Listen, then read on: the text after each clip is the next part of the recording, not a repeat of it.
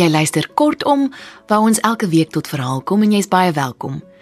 Ons is nog nie klaar met Breiten Breitenberg of David Minnar vir die aand nie en gaan luister na 'n paar van Breitenberg se kort kort verhale wat ek gekry het in Eeu 100 jaar van Afrikaanse kortverhale saamgestel deur Abraham de Vries en uitgegee deur Tafelberg en Iman en Resou. Dit dan ter viering van Breitenberg se 80ste verjaardag gister. Ons gaan luister na die verhale Fascistiese Pampoen, Selfmoord 2, Die Boek en David gaan afsluit met Die Verlossing van die Beeld. Lekker luister. Fascistiese Pampoen. 'n Man het 'n pampoen gekoop vir sy verjaardag, die 16de September. Hy het die pampoen in 'n ou koerant gevou en dit sorgvuldig onder sy arm gehou. Op pad huis toe het die reisigers in die bus hom agterdogtig aangekyk en die kondukteur het ontevrede vlak agter hom sy snor kom stryk. Hy weet nie of dit sy verbeelding was nie, maar dit was kompleet asof daar 'n grommende geluid van die pampoen kom. Tuis het die man die intonige trappe na sy 5de verdieping woonstel blaasend opgeklim. En hy het moeite om die deur oop te sluit want hy moes die pampoen al stywer onder sy blad vasklem. Sy swartoog dogtertjie het hom kom soen en gesê: "Nou, pappa, wat het jy onder jou arm?" Sy vrou het stuurs iets gebrom en gevra wat nou so danig in die vuil ou koerant mag wees en gekla dat sy moeg is. Die man het gesê dis 'n pampoen wat ek gekoop het vir my verjaardag, die 16de September, en sit dit met sorg in die yskas sodat dit vars kan bly. Sy vrou het gesê dat daar vis sal wees vir aandete en die kind het nuwe skoene nodig vir die skool. Skielik was daar 'n kabaal vanuit die yskas en sy vrou het gaan kyk en gegil. Die verdomde pampoen het die vis opgeëet. Die man het haar probeer gerusstel. Dis maar net 'n ou pampoen. Kom, laat ons hom op die vensterbank in die aandlig sit om af te koel. Dis vir my verjaardag, die 16de September. Maar aan die môre was die pampoen weg en van die dogtertjie het slegs haar ou skoene onder die bed oorgebly. Die man se vrou het vir dae aan een geween. Die maan het kleiner geword. Soms het brokkies daarvan op die aarde geval. En toe opeens een aand was daar 'n groot rooi rollende grommende bal soos 'n pampoen in die naglug. Nou het die man geweet. Sy dogtertjie is die prinses in die maan. Maar hy was diep ongelukkig.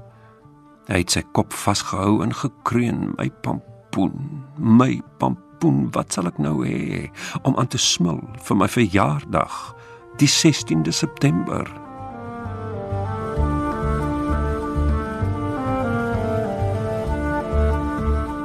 Selfmoord 2. Was dit selfmoord? Wie sou weet? En as dit was, waarom was dit?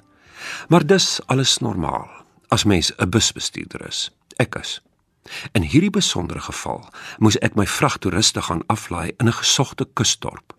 Dit was reeds aand, 'n ruime blou aand, toe ons die laaste nek in die Ritsberge oorsteek en afdaal die draaie af na die see. 'n Lang vrou het op die bank net agter my gesit en elke dan en wan leun sy vorentoe en lek aan die bel van my oor. In die agtertoe kykspieeltjie kon ek sien hoe haar eggenoot se gesig opblaas en verrooi maar dis deel van 'n busbestuurder se roetine. Ek het my mense afgelaai voor die hotel waar ons almal die nag sou tuis gaan. Dit was 'n reuse plek. Swart jas hotelbeamptes wag ons in. Ene pikke wyne. En miskien omdat hotelkamers identies is, val dit toe so dat ons drie, lang vrou, eggenoot en ek, maar hy wist dit nie, in dieselfde kamer te lande kom. Maar dis deel van 'n busbestuurder se roetine. En teen die tyd dat hy hulle swaar koffers die trappe opgesleep het, was die lang vrou en ek reeds die venster uit, oor die afdak af, laer op 'n ander dak af met die brandtrap deur die hoteltuin en op die strand.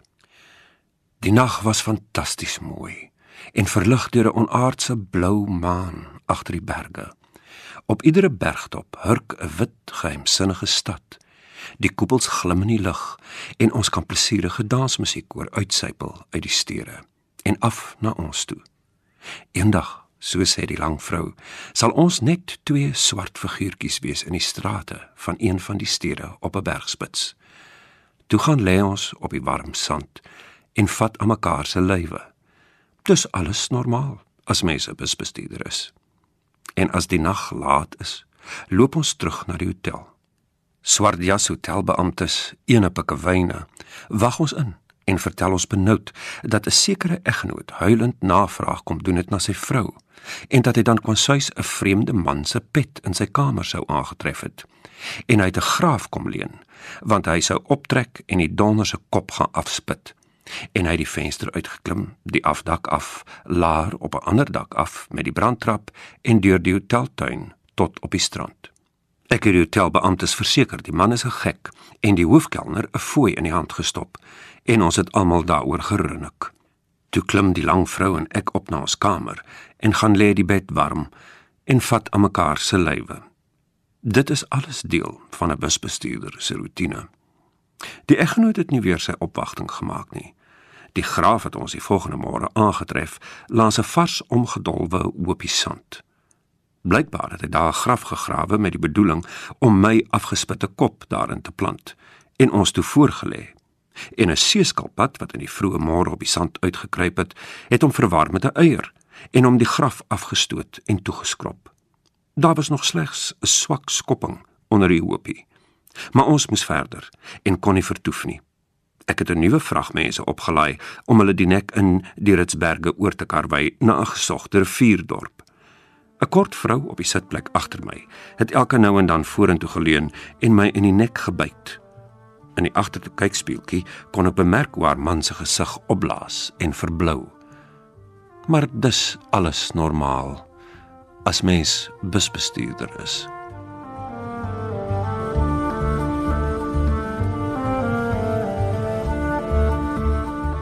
Die bonk. Die bonk is 'n nuwe dier met 3 oë en 5 bene en dus altesaam 31 tone. Dit dra stewels want dit se voete is teer. Die ore is lank en pesig en bedek met hare wat dien as skokbrekers of klankkussings want die geluide van die wêreld is te brutaal vir sy oordromme. Sy ore is van meer nut of dien as vlerke. Alhoewel die boens lomp in die lug rondval, is hulle geharde vlieërs. Hulle leef op land of in die water. Eintlik is hulle gek na water en dis glad nie verrassend om soms as jy jou hande wil was, 'n bonk uit die kraan te sien peel nie. Hulle is rustige diere en byna heilig omdat hulle so nutteloos is. Soms in die somer kan jy 'n bonk pylreg op in die lug sien opvlerk oor tot bo op 'n wolk waar dit dan hemels op die rug gaan lê en snork.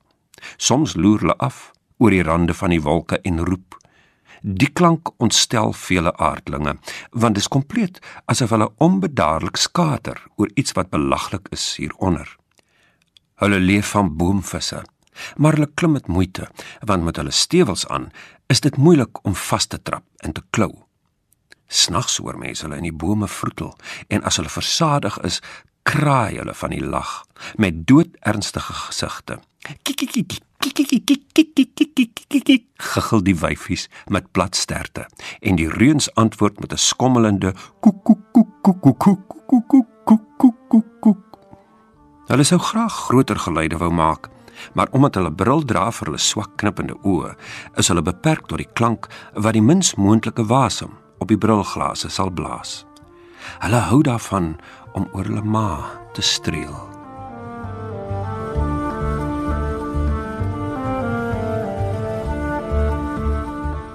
die verlossing van die beeld. Once is perversion, twice philosophy. Dit reën asof 'n reuse horlosie, 'n vet ui, lank verstop was, op laas oopgebars het en al sy tikke nou in oorvloed losgelaat het. Sal ons verder gaan? Indien ons waterstewels en reënmantels het. My grootvader dra 'n vormige horlosie aan 'n kettingkie in sy onderbaadjie sak. Die horlosie, nes 'n ui, het baie doppe, skille. Met sy verknotte ou mens hande vol bruin lewervlekke, slaan hy die dekseltjies oop, die een na die ander, tot op die laaste een van glas. Die glas moet hy nie oopmaak nie, want dan hardloop die tyd deurmekaar. Kwiksilwer. Onder die glas spil die veerwielietjies, kring die kameraitjies, kam die wysters, ruk die meganisme met die bewegings van water. My grootvader se horlosie lek. Hy kom dit nie agter nie. Sy sak word al hoe swaarder sodat sy rug al krommer trek. Ek wonder tog hoe laat dit is, sê hy. En vroetel met sy ou vingers al met die kettingkie laas. Maar sy hande het te glibberig geword. Wanneer die las te swaar word, knak hy en hy is dood. Die familie met die tonge. Party sê hy's dood van water op die hart. Ander weer dat hy 'n giftige ui geëet het of ook dat sy tyd aangebreek het. Dis die breek van die water. Sy tyd was om. Dit het te veel geword. Hy's oorlede soos 'n reën by loshou bars en nou's daar nie meer wolke nie. Ek kyk deur die glasstoppies van sy oë. Die radwerk is gefikseer. Die aanduiding van tydsverloop geïsoleer en asemloos vasgenaal in die oorbrug van die 1 sekonde na die volgende. Reeds weg van die een, maar nooit aangekom by die nie een nie. Ons sit om in 'n kus, die een deksel op die ander. Hamer die spykers ritmies in. Maak die kus vol tikke. Ons skud die kus, maar die binnegoed wil nie weer aan die loop gaan nie. Ons dra hom aarde toe. Sal ons verder gaan? Indien ons reënmantels en waterstewels het. Dit is die plantseisoen. Daar is trane in die familielede se oë asof hulle eie staan afskil het. Bo is daar groot donker wolke, elk met 'n interne beweging, 'n opstapeling soos horlosies sonder omvang. Ek soek 'n erfstuk. Wat het van die ou horlosie geword? Ek gaan terug na die gat in die grond, spit dit oop. Die trog is vol water.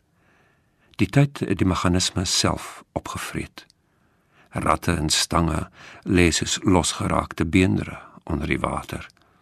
Daar was cellulêre dekadensie. Die bloudruk is vernietig en nou is daar bandelose voortplanting, vervlieting, uitspattigheid. Eie sal goed hier aard. Die grond is lekker sanderig, net te nat. Ek soek vir my 'n ui. Maak dit aan 'n toutjie in my onderbaadjie sak vas, want ek vertrou geen skakels nie. Wanneer ek dit teen my oor hou, hoor ek die tikke. Jan Tataraat sit en roep.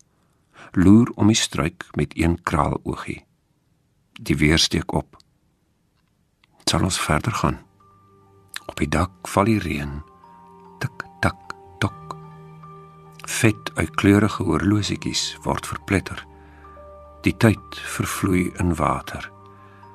Dit reën soos hawelose, presiese afmetings wat die sekure gebondenheid van 'n tydmeter 'n graf soek.